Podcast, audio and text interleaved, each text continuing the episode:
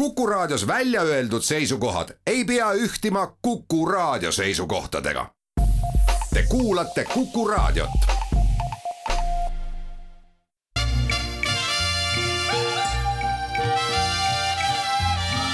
välismääraja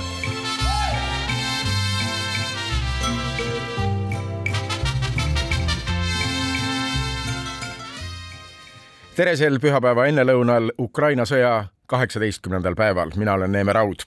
hommikuudistest jäi esmalt silma teade, et eile taas Vladimir Putiniga vestelnud Prantsuse riigipea Emmanuel Macron oli pettunud, nagu Pariis teatas, Putini ebasiiruses.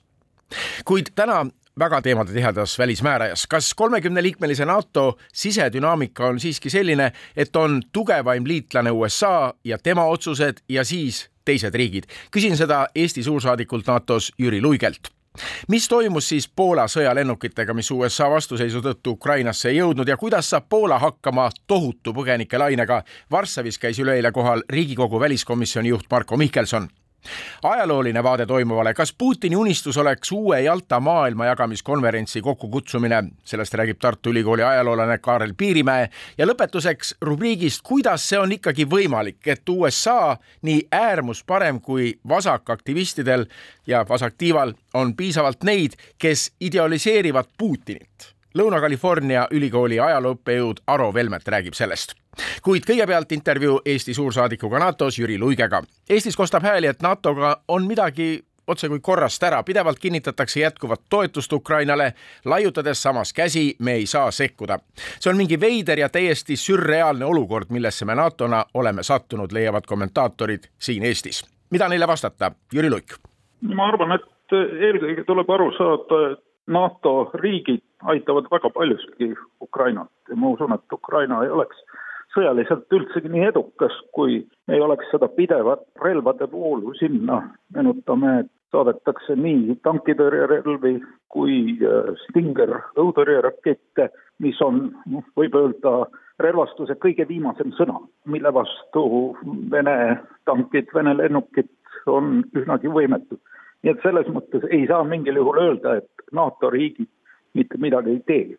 nüüd NATO organisatsioonina on tõepoolest ja siin on see ju väga selgelt välja öeldud nii NATO poliitikute poolt kui ka NATO leppes, et see on mõeldud kaitseorganisatsioonina, tõepoolest siis kaitstakse NATO territooriumit, Eesti tänu väga-väga suurtele pingutustele, aastate pikkustele pingutustele sai NATO liikmeks me tegime kunagi ülimalt õige valiku ja oleme tõesti praegu siis olukorras, kus äh, Eesti territooriumit kaitsevad mitte ainult Eesti väed, vaid ka Briti väed, Prantsuse väed, Ameerika, Belgia väed. Eesti jaoks on see ülimalt keeruline olukord, kuid siiski olukord, mis annab meile, meie riigile väga tugevat kaitse tagatud. president Biden kordas reedel USA seisukohta ja tegi seda väga dramaatiliselt, öeldes, et ta kaitseb NATO-t kuni kolmanda maailmasõjani, kui vaja, kuid ei riskeeri laiema konfliktiga, astudes Ukrainas sõtta Venemaa vastu.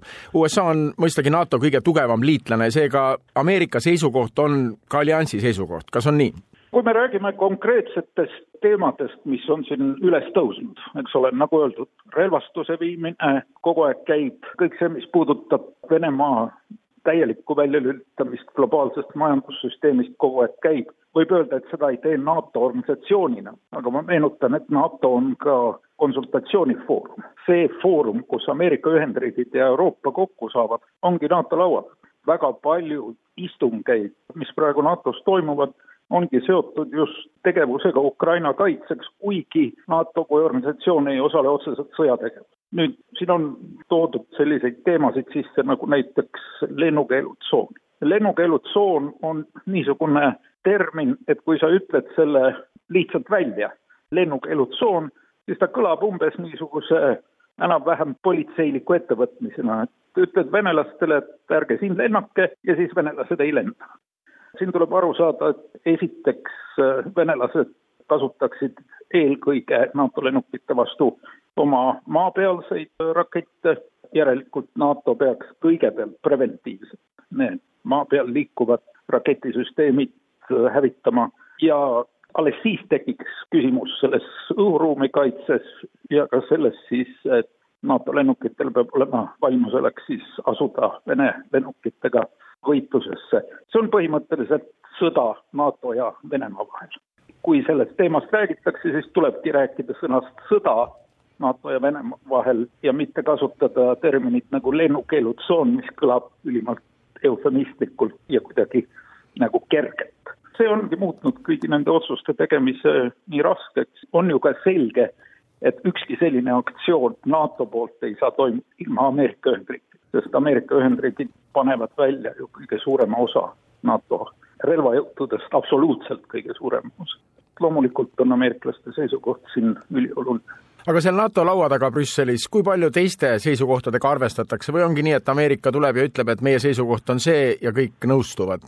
ei, loomulikult on vaidlusi ja lõpuks NATO-s on ju kolmkümmend liiget, väga erinevad seisukohad paljudes küsimustes, ma ei saa nüüd detailselt rääkida, millest NATO laua taga räägitakse, aga noh, võime ju ette kujutada, et väga oluline seisukoht kõigis neis küsimustes on kindlasti niinimetatud B9 riikidel ehk siis Kesk- ja Ida-Euroopa riikidel. Lääne-Euroopas on ka erinevaid trende, kes, milline riik mida arvab, loomulikult ameeriklaste roll on vägagi oluline. Ühest küljest loomulikult igal riigil on üks hääl NATO-s, aga teisest küljest tuleb ka arvestada, et eks ka NATO-s ole need, kes juhul, kui NATO sõjategevusse astub, kannatavad või võtavad enda kanda kõige suurema reaalse sõjalise riski. ja nagu öeldud, Ameerika Ühendriigid on kindlasti üks neist riik. küsimus ei ole selles, et ütleme, hääled ei ole võrdsed, aga, aga noh, selge on see, et ameeriklaste seisukohad on ülimalt olulised. aga nagu ikka rahvusvahelistes organisatsioonides me ju proovime kõiki neid seisukohti oma seisukohtadega mõjutada ja viia sellisesse olukorda, kus Eesti huvid oleksid igal juhul kaitstud. ütleme niimoodi, kõik see, mis puudutab Eesti kaitset, nagu ma juba ütlesin, alates mitmet tüüpi lennuväest, lõpetades maavägedega, me võib-olla vahel ei oska seda nii kõrgelt hinnata, me oleme kuidagi harjunud sellega, et A, Eesti on NATO-s, B, Eesti territooriumil on NATO väed. kui me korraks sulgeme silmad ja kujutame ette, et midagi sellist ei oleks, siis ma arvan, et täna me kujutaksime ka palju elavamalt ette, milline võiks siis olla Eesti saatus. ja samas on ka väga oluline see, et meie liitlased ka sellises väga keerulises olukorras, nagu praegu on, kriipsutavad spetsiaalselt alla NATO riikide kaitset, kriipsutavad spetsiaalselt alla oma valmisolekut ja küsimus, nagu öeldud, ei ole mitte ainult selles, et nad sõnades on valmis, vaid ka selles, et ollakse valmis vägesid juurde tooma, ollakse valmis lennukeid juurde tooma. Läinud nädalal oli kõneks Poola lennukite saatmine Ukrainasse, mille peatas aga USA. nüüd nädala kokkuvõtet tehes, mis täpselt siis toimus? mis toimus, oli eelkõige niisuguse äh, põhjaliku omavahelise debati jõudmine avalikkusesse selle üle võib hiljem vaielda, kas seda debatti oleks võinud pidada ka kinnistõude taga või mitte, aga nii see praegu on. noh, nagu me teame, Ameerika Ühendriigid pidid langetama selge poliitilise otsuse, kas nad toetavad sellist äh, lennukite saatmist ja lõpuks äh, nad otsustasid seda mitte toetada ja loomulikult äh, ükski NATO riik ei hakka ka ilma NATO toetuseta ja ameeriklaste toetuseta seda otsust eraldi tegema, seda ka poolakad üsnagi avameelselt välja ütlesid, aga jällegi, see lennukite saatmine või mittesaatmine ei tähenda sugugi seda, et ei oleks võimalik saata relvasüsteeme, mis on enam-vähem sama efektiivsed, aga noh, paiknevad näiteks maa peal. see töö käib kogu aeg, järgmisel nädalal saabub äh, Euroopasse ka USA kaitseminister Austin, tema töö üks äh, mõõde on kindlasti seesama relvaabi küsimus. järgmisel nädalal hakkavad ka NATO kaitseministrid olukorda arutama, kolmapäeval tulevad siis kaitseministrid kokku NATO peakorteris. Jüri Luik, te ütlesite ise eelmisel nädalal, et Eestil on vaja püsivat õhukaitset, mida see täpselt kujutaks, kas Venemaalt välja tulistatud rakett sellise kaitse puhul lastakse õhus lihtsalt alla, enne kui ta meie territooriumile, meie õhuruumi jõuab? no eks see oleneb väga paljuski sellest, milline on konkreetse õhutõrjesüsteemide võimekus, mis Eestis äh, paiknevad ja loomulikult mida arenenumad ja võimsamad on, seda rohkem nad suudavad ka alla lasta kõikvõimalikke rakette ja lennukeid. üldiselt on niisugust raketti, noh nagu SS kakskümmend kuus Iskander üsnagi keeruline alla lasta, kuigi mitte võimatu. aga noh, ütleme näiteks lennuvahendite vastu on, on võimalik äh, luua vägagi hea ja niisuguse vettpidava õhutõrje. loomulikult meie jaoks oleks oluline, et see oleks NATO ühtne programm, Eesti jaoks oma seadmete hankimine selleks, et neid oleks piisaval hulgal, piisavates kõrgustes, piisava efektiivsusega, on endiselt äh, rahaliselt äh, keeruline, kuigi antud juhul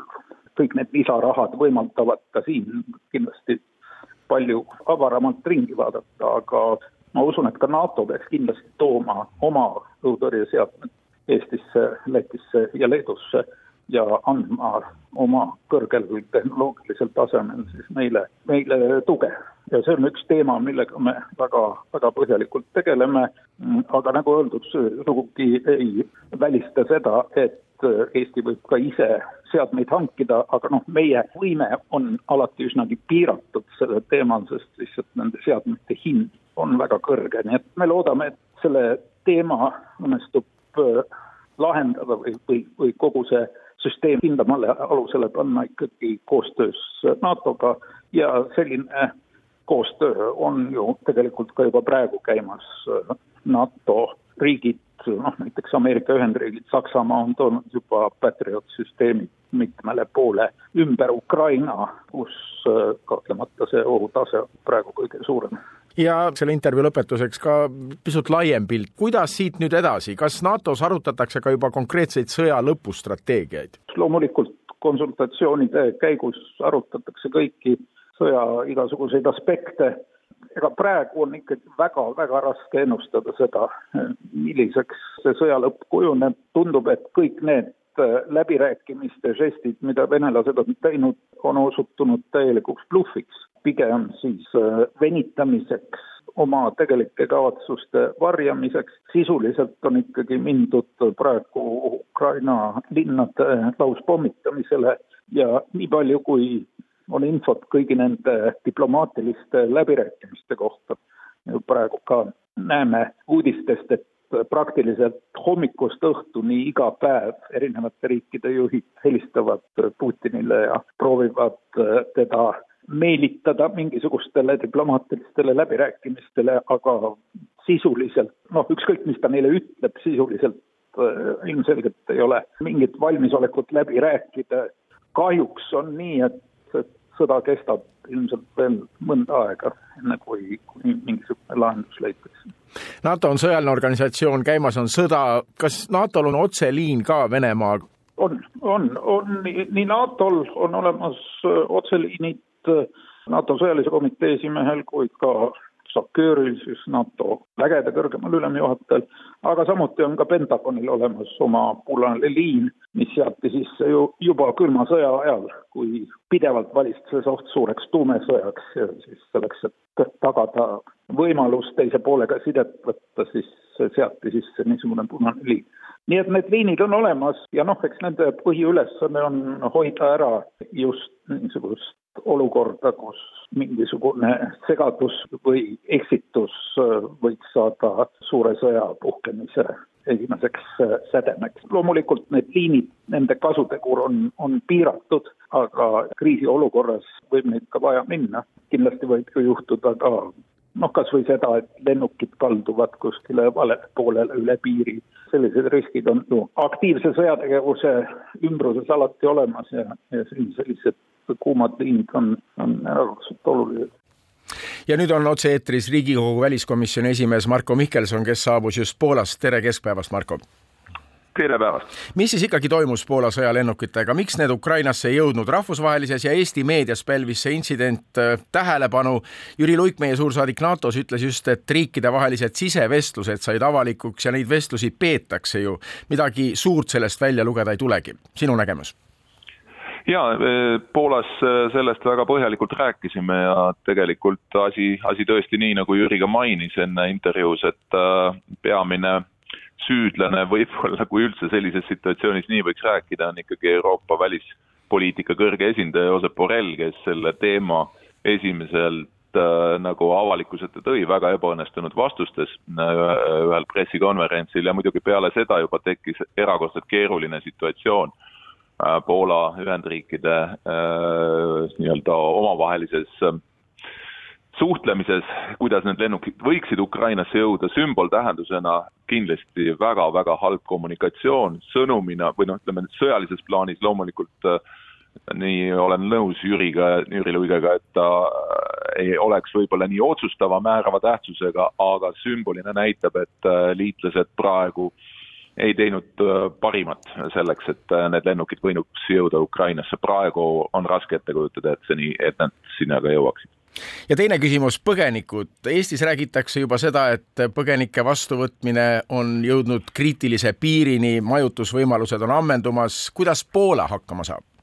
Poola on jõudnud tänase päeva seisuga üle pooleteist miljoni äh, põgeniku. Poola on teinud tegelikult äh, ka piiri ületamisel ja nende vastuvõtmisel väga-väga palju äh, tööd ja, ja kindlasti väärib äh, Poola kiitust ja enamik neist põgenikest kindlasti ka Poola jääb, Poola ei nõua tegelikult seda oma partneritelt, et et võetaks nii-öelda kvoodisüsteemi alusel põgenikke enda kanda, aga, aga mida kindlasti, mis teema tõstatub õige varsti ja see, see peaks olema ka meie huvi, et et Euroopa Liit peaks tõsiselt mõtlema, kuidas me suudame seda põgenike voogu, õigemini põgenike hulka piisavalt hästi ähm, manageerida pikema aja jooksul, sest ma olen nõus äh, ka selle hinnanguga, mida äh, saadik Luik ütles, sõda Ukrainas tõenäoliselt kestab veel pikka aega.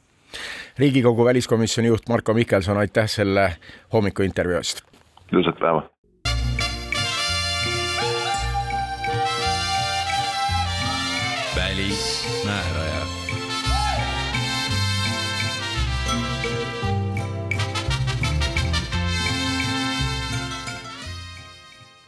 Tartu Ülikooli uusima aja kaasprofessor Kaarel Piirimäe leiab, et tuhande üheksasaja neljakümne viiendal aastal Jaltas toimunud konverentsil Stalin ei petnud läänt, lääs pettis end ise kohe palun selgitust, kuid kõigepealt ka president Putini jaoks oleks ilmselt Jalta-laadse maailma jagamise konverentsi korraldamine kõigi praeguste probleemide ideaalne lahendus. tema jaoks on see ideaal, kuidas äh, suurriigid otsustavad ajaloo kulgu. Äh, väikeriikidel äh, seal suurt sõnaõigust ei ole et Jalta on see selline noh, mudel tema jaoks, kuidas rahvusvahelised suhted peaksid äh, käima. no selge on see, et praeguses konfliktis ja praeguse konflikti järel Jalta-laadset kohtumist ei tule, vaadates lääne vastasseisu Venemaale, on raske näha mingeid tagauksi, mille kaudu veel räägitakse. eks äh, Vene diplomaatia tõenäoliselt üritab seda, üritab lõhestada läänt ja üritadagi rääkida just nende suurriikidega eraldi aga ma ei usu, et nad suudavad lõhestada läänt. lõppkokkuvõttes on ikkagi ühelt poolt Euroopa Liit, siis ka NATO ikkagi ühtne ja mingisuguseid äh, erilisi diile Moskvaga ei tehta, see noh, mina usun sellesse jätkuvalt. võib-olla ma olen naiivne, aga et maailm on muutunud äh, võrreldes aastaga nelikümmend viis, et äh, ma ei, praegu hetkel küll ei näe seda võimalust, et näiteks Prantsuse president Macron nüüd siis äh, teeb siis üle ukrainlaste peade näiteks mingisuguse kokkuleppe, et lohutab seal alasid Ukrainas, et see kokkulepe lihtsalt noh, ei pädeks ja, ja ukrainlased ei oleks, ka ei lepiks sellega. No ukrainlased, aga vaatame meid, meie suhtes nagu mingit kokkulepet ei ole võimalik enam ju saavutada. ei ole jah, me oleme, meie olemegi NATO nii-öelda, NATO ei saa meie eest midagi otsustada, sest et äh, me olemegi osa NATO-st, et ma arvan, see hakkab üha, üha enam ka meile, eestlastele see arusaamine kohale jõudma, et meie olemegi NATO ja need väed, mis siin on, on, on ka, on ka meie väed. Need on NATO väed. eraldi kokkuleppeid üle meie peade, meiega rääkimata, ma ei usu, et seda, see on võimalik tänapäeval no me oleme NATO ja me oleme ka Euroopa Liit. Euroopa Liit on ka viimastel nädalatel väga aktiviseerinud oma julgeoleku ja välispoliitika alast tegevust. samas ikkagi, kui me räägime oma julgeolekust ja, ja kuuluvusest, ikkagi me rõhume NATO peale, mitte Euroopa Liidu peale kui mõelda Venemaa vaadet Euroopa Liidu suhtes, see on ikkagi selline riikide ühendus, mis ei ole nii tugev muskel kui NATO? Venemaa ei ole kunagi vaadanud äh, Brüsseli poole, ikka, ikka nende pealinnade poole ja nende arusaam rahvusvahelistest suhetest on ka, et rahvusvahelised organisatsioonid äh, on nagu mingisuguse, mingi fassaad lihtsalt. ja ka väikeriigid on tegelikult äh, ainult käpikud siis suurriikide käes. Sellise arusaamaga nad tegutsevad, aga tegelikult on see ju reaalsusest möödavaatamine. et tegelikult äh, on äh, just nüüd ka Euroopa Liit tõestanud, et ta on äh, vägagi mõjukas toimija rahvusvahelistes suhetes. see on tegelikult enamik inimesi üllatunud, enamikke vaatlejaid üllatunud, et Euroopa Liit on nii jõuline olnud. Aga seal ei ole ka tekkinud suuremaid lõhesid tegelikult ju ka NATO-ga ja, ja USA-ga. ja Euroopa Liit on, on, on väga just, just selles kriisis tõestanud enda olulisust aga läheme Jaltasse tagasi, Jalta juurde tagasi, tuhat üheksasada nelikümmend viis maailm jagati ära. mida uut me siis oleme nüüd teada saanud, mida me veel ei teadnud Jalta kohta enne? et äh, dokumendid äh, avalikustati ju seitsmekümnendatel aastatel, see historiograafia selles osas on üsnagi vana aga noh, need on lihtsalt need sellised äh, asjad, mida ikka aeg-ajalt tasub nagu meelde tuletada no näiteks konkreetselt, mida tasub meelde tuletada? no seda, et lääs ei reetnud äh, kedagi ja lääs ei, äh, ei müünud maha nüüd nii väga kedagi, Jaltas siis, eks ole, sellel tippkohtumisel. Sa märgid oma artiklis, et meie saatus oli otsustatud juba mõned aastad varem. jah, et oli küll. no sellised vaikivad kokkulepped äh, olid tehtud juba vähemalt neljakümne teisel aastal, kui britid siis ütlesid Nõukogude Liidule, et te võite jätta Balti riigid omale aga ei jõutud äh, kirjalikule kokkuleppeni. kõik olid nõus sellega, siis liitlased, et äh, midagi me paberile ei pane, aga meil on siis selline vaikiv kokkulepe. kas meie Eesti esindajad ka teadsid sellest midagi või oli see kõik meie jaoks täiesti meie selja taga tehtud äh,? ei teadnud, aga aimati midagi, ütleme, kuna Balti riikidest enam nendel konverentsidel juttu ei olnud, aval-, noh, nendes deklaratsioonides siis kardeti, et, et on salaja midagi ära otsustatud, mis oligi tõsi, jah neljakümne neljandal aastal tegelikult ikkagi me teame, et usuti, usuti veel äh, lääneliitlastesse, usuti ka, et tullakse appi. ja reaalsuses tegelikult seda võimalust enam ei olnud? ei olnud jah. Oli siiski selliseid lootusi, pettelootusi, mis mõjutasid siis sündmusi ka siin Eestis, osutati vastupanu Punaarmeele, mis ei olnud tegelikult teatavas mõttes võib-olla väga mõistlik. aga noh, ei saa ka ette heita inimestele, kes relv käes äh, rindele läksid. oli vaja ka au kaitsta tegelikult, sest et nelikümmend oli lastud äh, võtta ära Eestit siis ilma vastupanu osutamata. ja siis see Jalta konverents, kuhu president Roosevelt väga haigena tuli kohale, seal siis oli lihtsalt lõplik otsuse teatavaks tegemine. Churchill ja Roosevelt, äh, nad proovisid Stalinilt saada veel järeleandmisi. põhiline küsimus oli, äh, milline valitsus saab olema Poolas aga Poola oli juba Punaarmee poolt äh, vallutatud või siis Nõukogude armee poolt vallutatud. selles mõttes kõik trumbid olid Stalini käes. Nad ikkagi üritasid ja nad said äh, Stalinilt lubaduse, et, et siis sellesse Poola valitsusse võetakse ka mittekommuniste ja seda Stalin, seda lubadust ta täitis, aga noh, see ei muutnud pikemas perspektiivis midagi. aga tuleb arvestada, et Rooseveltil ja Churchill olid oma eesmärgid, oma taotlused Nad tahtsid siis Stalinilt vastuteeneid. Roosevelti põhieesmärk oli asutada ÜRO ja ta sai siis ka Stalini nõusoleku, et Nõukogude Liit hakkab ÜRO asutajaliikmeks. Suurbritannial olid oma eesmärgid. näiteks äh, oli siis Nõukogude Liidu kätte sattunud päris palju Briti sõjavange ja nad kardeti, et Nõukogude Liit teeb takistusi nende tagasisaatmisel. nii et kõik pidid tegema kompromisse tegelikult see, et äh, Roosevelt võttis selle täiesti haigena selle pika reisi ette, näitas, et, et ta tegelikult lootis ja tahtis saada paremat maailmakorda sellest, eks ole, kätte ja ta pingutas, samamoodi Churchill. kui mõelda, et ÜRO tõepoolest ju asutati ja ÜRO asutajaliikmete seas Stalini loal oli ka Ukraina jah, see oli ka üks äh, neid küsimusi, mis seal Jaltas äh, tõusetus ja.... Ukraina NSV siis, oleme täpsed, eks ole. ja Valgevene ja Stalin nõudis ka Leedu äh, saamist siis ÜRO liikmeks, mis oleks olnud tegelikult ka noh, ütleme Balti riikide annekteerimise tunnustamine lääneriikide poolt ja see oli selline asi, mida siis äh, Churchill ja Roosevelt ei olnud nõus. kuidas täpselt see kokkulepe saavutati, et Valgevene ja Ukraina saab ainult ÜRO-sse, seda me täpselt ei tea, sest et selle otsustasid Roosevelt ja Stalin nelja silma all. aga lõpptulemus oli jah, et äh, Leedut, Eestit ja Lätit ei, ei tahetud ÜRO-sse enam et kui ÜRO asutati, siis oli seal Nõukogude Liit küll liikmesriigina, Ukraina ja Valgevene. see oli veel noh, koomiline see, et oli Nõukogude Liit eraldi, eks ole, siis oli Ukraina liiduvabariik ja Valgevene liiduvabariik. see oligi üsna keeruline aru saada, et Nõukogude konstitutsiooni järgi ju esindas keskvõim ka kõiki liiduvabariike diplomaatias. nüüd siis äh, nõuti seda, et noh, algne nõue oli see, et kõik viisteist liiduvabariiki saaks ÜRO-sse see põhjus oli äh, see, et Nõukogude Liit äh, tahtis saada lihtsalt rohkem hääli, sest kartis jääda vähemusse, mis oli ka mõnevõrra õigustatud äh, kartus, sest et Suurbritannia tahtis saada ÜRO liikmeks Indiat ja teisi, ütleme, kes impeeriumi osi. Ja tollal USA tegelikult kontrollis põhimõtteliselt enamike Ladina-Ameerika hääli ÜRO-s. Kui see oleks välja tulnud, oleks see põhjustanud sellise skandaali, et kongress ei oleks tõenäoliselt ÜRO äh, hartat äh, ratifitseerinud ja seega ei, ei saadud sellega leppida. et põhimõtteliselt Stalin ütles, et Ukraina on siiski eraldiseisev üksus, see, mida Putin püüab nüüd väita, et seda riiki ja rahvast ei eksisteerigi. jaa, tol ajal äh, Nõukogude propaganda üritas esitledagi neid liiduvabariike paljuski nagu iseseisvatena või noh, autonoomsetena. selle üheks põhjuseks oli ka see, et taheti näidata, et ka Balti riikide annekteerimine ei ole suur probleem, sest et rahvaste enesemääramise õigus on seal äh, siis äh, võimaldatud nendes äh, liiduvabariikides.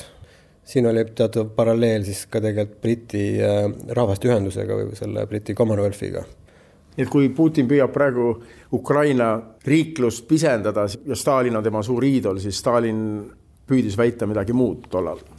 Nojah võib ka nii võtta, jah. aga meie suhtes langetati ikkagi otsus ja ilmselt see oli ka Roosevelti üks positsioon, et, et Balti riikide annekteerimist ja okupeerimist ei tunnustatud, sest see mittetunnustamispoliitika jäi jõusse ju praktiliselt kuni meie taasiseseisvumiseni. just täpselt nii ja see tunnustamine nüüd äh, oleks olnud avaliku arvamuse silmis ikkagi väga suur probleem presidendile ja kongressi silmis. Nii et see ei tulnud kõne alla, küll aga Roosevelt juba Teherani konverentsil nelikümmend kolm oli Stalinile lubanud, et kui te võtate Balti riigid tagasi, annekteerite need siis me sellest suurt numbrit ei tee. aga tuleme nüüd tänasesse päeva tagasi, president Putini see suur kosmoloogia praeguse maailma kohta, multipolaarne maailm, kus siis suured ja neid suuri on siis tema nägemuse järgi ilmselt kolm, Venemaa, siis Ameerika Ühendriigid ja Hiina, et need tuleksid siis kuidagi kokku ja otsustaksid maailma asju nagu ta siin, äh, Putin siis paar aastat tagasi kirjutas, ta tegi just ettepaneku uueks Jalta kohtumiseks. see oli siis teise maailmasõja lõpu aastapäev, ta tegi ettepaneku uueks Jaltaks ja, ja seal ta ikkagi tunnistas ka Suurbritannia ja Prantsusmaa olulist rolli. ma usun, et ta on ka nõus ikka Saksamaad tunnustama nagu sellise suurriigina. aga see on ka kõik ilmselt. Ta on öelnud, eks ole, oma kuulsas kõnes Müncheni konverentsil, et unipolaarne ühepooluseline maailm ei ole õige. ei ole õige, et üks riik kõike otsustab, USA siis ja maailm peaks olema mitmepolaarne. ma arvan, et äh, õigus on neil vaatlejatel, kes äh, arvavad, et nüüd eelmise aasta augustis, kui äh, USA lahkus Afganistanist, siis Putin järeldas, et USA ja Lääs on, on nõrk, on kriisis. eelmine aasta ka tihendati suhteid Hiinaga ja Putin lähtub sellest, et praegune maailm ongi juba mitmepooluseline ja et lääs ei saa otsustada kõike ja sellest lähtuvalt ta ka tegutseb, et lääs ei saa takistada ka tema sellist sõjategevust äh, Ukrainas. no ma arvan, et Hiina on ka nõus sellega, et maailm võiks olla multipolaarne, praegu siis äh, tulevikus võib-olla siis ühepooluseline, aga siis võiks olla Hiina see, see poolus, mille ümber kõik siis tiirleb. ma arvan, et see võib olla Hiina, Hiina selline pikem strateegia nii et Hiina kindlasti äh, on nõus selle Venemaa vaatega, selles mõttes nad on, kui mitte liitlased, siis ikkagi partnerid kui vaatame maailmakaarti, vaatame meie uudiseid, tundub, et see lääne tugevus on nii suur praegu, et ta lämmatab Venemaa. Ma olen nõus sellega, et veel nädal aega tagasi mitte keegi ei uskunud, et lääs nii tugev on. me oleme väga enesekriitilised kogu aeg, aga see on ka üks lääne tugevusi.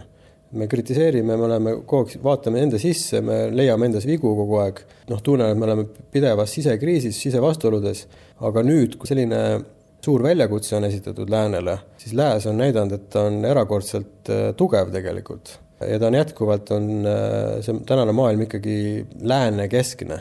See on lääne-keskne maailm ja USA on selle äh, omakorda veel selle tuumikus. nüüd on jah küsimus, et kui palju see, need kõik need sanktsioonid ja nii edasi läänt ennast nõrgestab, aga tõenäoliselt ta ei, ei nõrgesta nii väga pikas perspektiivis aga Lääs tõenäoliselt muudab oma strateegiat selles mõttes, et läbi on see ajastu, kui taheti, et, et kõik riigid oleksid lääne moodi, samamoodi demokraatlikud, liberaalsed ja võib-olla tullakse tagasi selle külma sõja strateegia juurde, kui siis läänel on, on siis tuumik lääneriigid, kes on ka demokraatlikud ja lisaks sellele on siis ka lääne liitlased, kes ei pruugi olla demokraatlikud, kes võivad olla autoritaarsed aga peaasi, et nad äh, toetaksid meid, eks ole, nende vastu, kes on äh, otseselt väljakutse esitanud läänemaailmale. noh, Venemaa invasiooni, agressiooni puhul on ju see, et kõik võimalused on avatud praegu.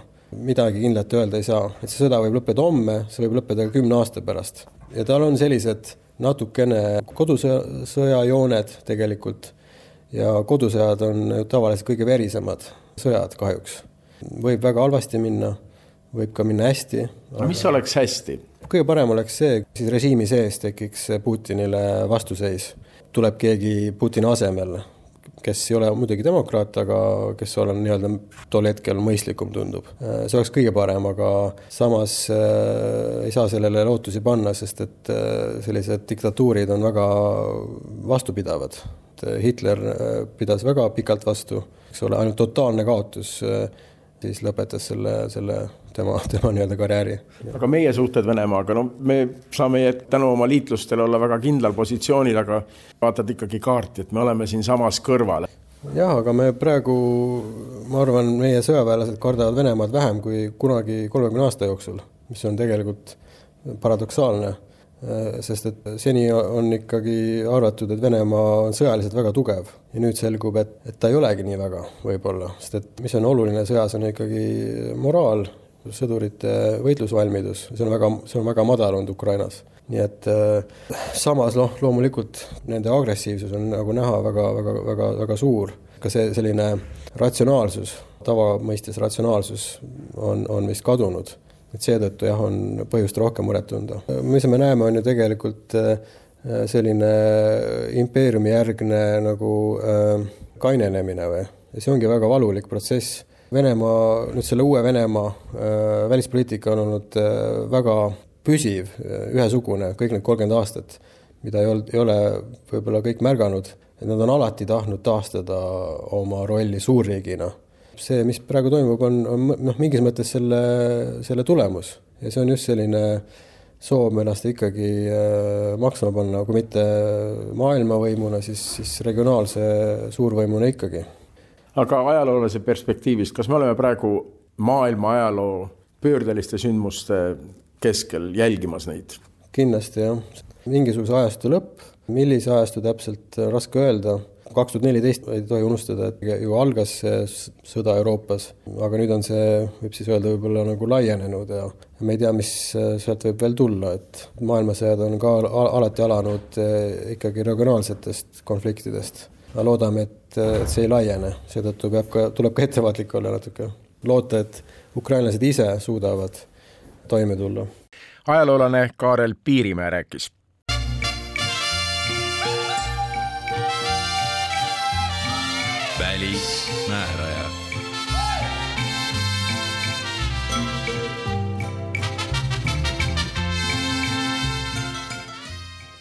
täna on Välismäärajas ajaloolaste saade, tundub, nüüd on stuudios Lõuna-California ülikooli ajalooõppejõud Aro Velmet, tere hommikust! tere hommikust! lõpetuseks siis rubriigist, kuidas see on võimalik, et USA nii äärmus parempoolsel kui vasakpoolsel tiival on ikkagi piisavalt neid, kes idealiseerivad Putinit, on see nii? No see on nii ja naa, ma ei ütleks, et nad idealiseerivad Putinit, noh, noh paremäärmuslaste kohta on muidugi keeruline rääkida, aga äh, keda või mida nad täpselt idealiseerivad, aga äh, ütleme. aga see, õigustavad teda?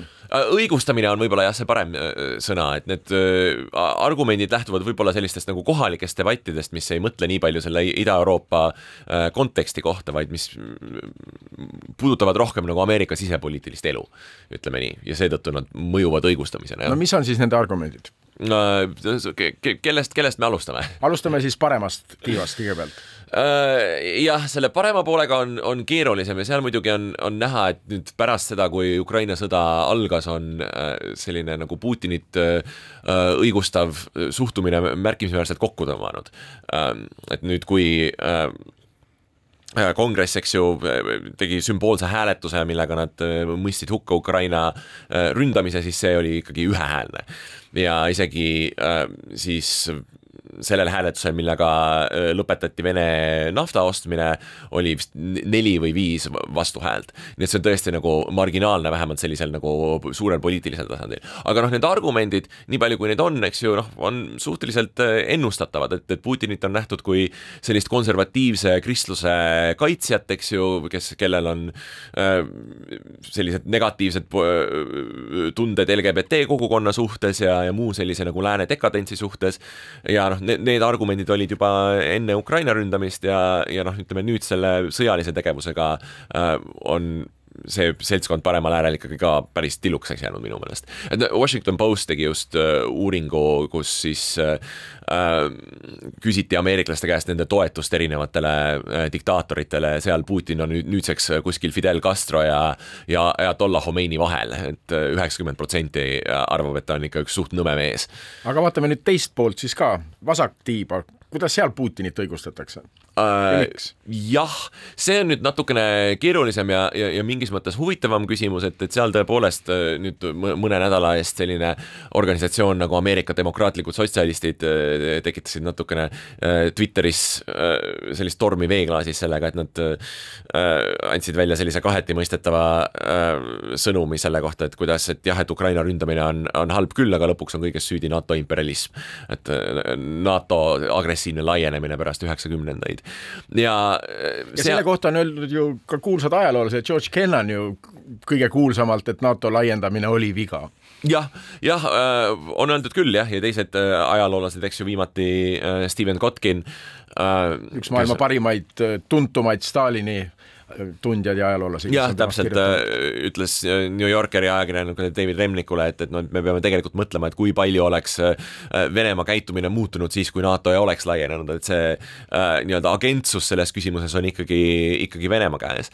aga noh, ütleme, et selles vasakpoolsete kogukonnas võib-olla see, see kontekst, kus seda tuleks näha, on see, et, et et nad näevad, et nende jaoks on see keskne küsimus on ikkagi nagu äh, Ameerika imperialistlik äh, tegevus, mis on ka, eks ju, noh, vaieldamatu, et kui me mõtleme äh, Ameerika tegevusele Iraagis kahe tuhandendatel, Ladina-Ameerikas läbi seitsmekümnendate, kaheksakümnendate, et see on olnud nagu see, see kont, mida, mida vasakpoolsed on ajalooliselt järe, järanud, see nii-öelda silmakirjalikkus, kus Ameerika ühelt poolt deklareerib sellist äh, reeglitepõhise maailmakorra hoidmist äh, ja siis samal ajal, kui mängus on tema enda huvid, eks ju, äh, tege-, tegutseb sellise äh, imperialistliku jõuna, kes tegelikult ei huvita selle, ei huvitu sellest, mida rahvusvaheline üldsus no seda on ka president Putin ju kasutanud, neid samu argumente, et kui vaadata näiteks, mis toimus Jugoslaavias, endises jaa, Jugoslaavias Kosovo pommitamine NATO poolt on see, see näide, mida ta väga hea meelega toob ja millele tegelikult on ka natukene keeruline vastu vaielda. aga kas see on ikkagi marginaalne, need parempoolse ja vasakpoolse tiiva arvamused, et Ameerika kesktee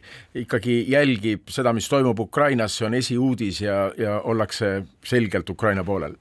no põhimõtteliselt küll jah, sellega muidugi on ka alati nii ja naa, et, et ühelt poolt tõepoolest, et, et võib-olla see isegi on nagu äh, rohkem kohale jõudnud äh, nüüd aastal kaks tuhat kakskümmend kaks kui mõned muud varasemad sõjad, milles ka Ameerika ise on osalenud tänu sellele, et sotsiaalmeedia ja, ja üldine võrgustatus on maailma lihtsalt nii palju väiksemaks teinud, et just... aga kas on Ameerikas, Californias, sa tulid just paar päeva tagasi sealt, on see esiuudis jätkuvalt iga päev? see on esiuudis küll, jah ja, ja noh, kui ma räägin näiteks oma, oma tudengitega, siis äh, üks, üks neist just rääkis, kuidas ta töötab ühes äh, indie-mängudega tegelevas ettevõttes ja siis äh, vahetab kirju oma disaineriga, kes ütleb, et kuule, et mul läheb natukene aeglasemalt, sest et ma olen Harkivis ja ma pean iga natukese aja tagant pommivarendisse jooksma. et selles mõttes see paljudele ameeriklastele on väga otseselt käega katsutav, aga noh, siis teiste jaoks on see tunnetatav jällegi nagu eeskätt kui sisepoliitiline küsimus, sest et see, mis Ukrainas toimub, eks ju, mõjutab esiteks äh, bensiinihindasid äh,, millest on nüüd palju räägitud, eriti pärast seda, kui äh,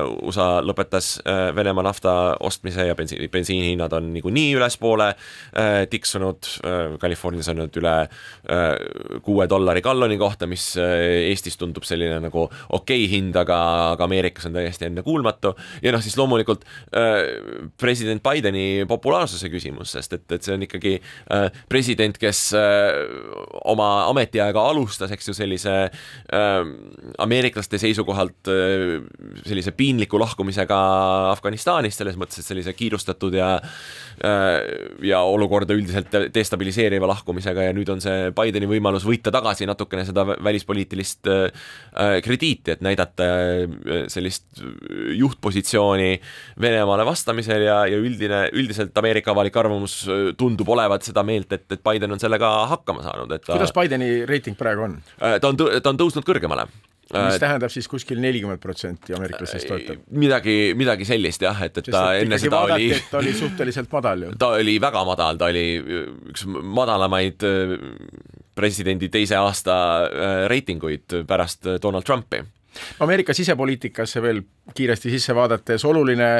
sündmus on toimumas sügisel novembris, kui valitakse ümber kongressi esindajate koda ja ka paljud senati kohad, need vahevalimised ja ennustatakse, et vabariiklased hakkavad nüüd vaikselt uuesti võimule tagasi tulema.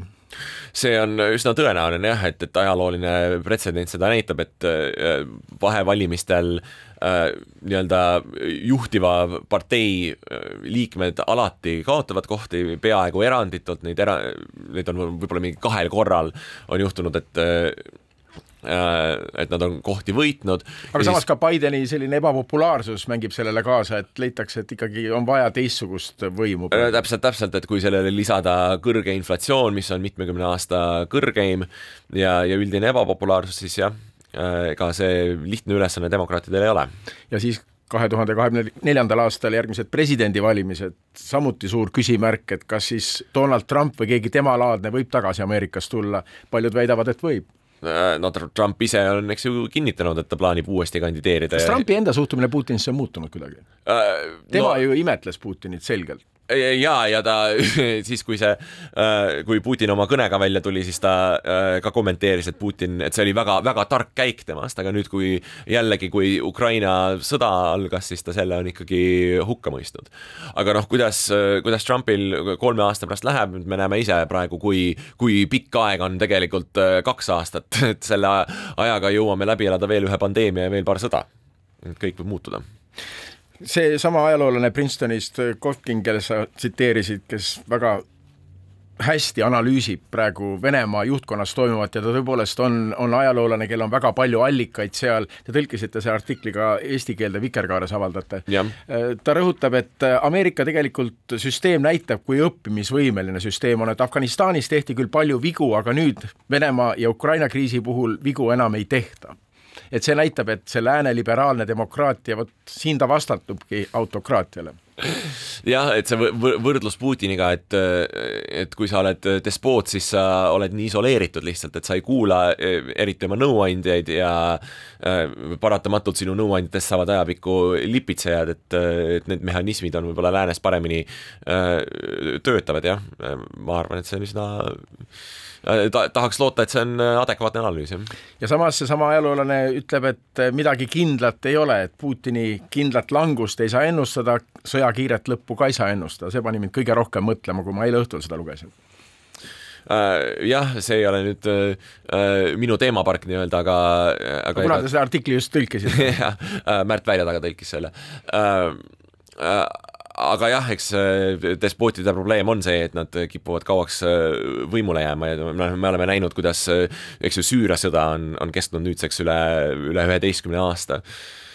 aga Ameerika avalik arvamus teada-tuntult suhteliselt vähese tähelepanu spektriga, kui, kui kiiresti ta sellest sõjast nüüd ära tüdinud? Äh, jah, hea küsimus, mis see, ähm, mis see hea võrdlus siin võiks olla? Eks see ilmselt sõltub sellest, et, et kui palju see sõda mõjutab Ameerika sisepoliitikat. ja bensiini hinda. ja bensiini hinda, täpselt, et äh, kui Ameerika leiab mingisuguse varustuskindluse, noh, siin on räägitud isegi nagu Venezuelaga äh, kokkulepete tegemisest ja see on ikkagi kõik nagu mitme aasta plaan, äh, siis võib juhtuda, et see mingist hetkest enam ei ole nii selgelt pealkirjades. aga samas on president Biden rõhutanud ja viimati läinud reedel, et kolmandat maailmasõda Ameerika mingil juhul ei alusta. see on temast äh, rahustav tõe, tõepoolest. aga noh, ta ka väga targalt kasutab seda oma enda populaarsuse tagamiseks, eks ju, ta rõhutab ka seda, et, et ka bensiinihindade tõus on, on Putini hinnatõus, mitte, mitte tema enda hinnatõus. et, et eks osalt see, kui kaua see teema püsib Ameerikas äh, nii-öelda esileheküljel, sõltub sellest, kui hästi saab seda äh, poliitiliselt äh, kasutada, et see on alati ka natukene selline pragmaatiline päevapoliitika Lõuna-California ülikooli ajalooõppejõud Aro Velmet, aitäh, et tulid stuudiosse ja selle sissevaate eest Ameerikasse praegusel ajahetkel ja see oligi tänane Välismääraja, mina olen Neeme Raud, peatse kuulmiseni.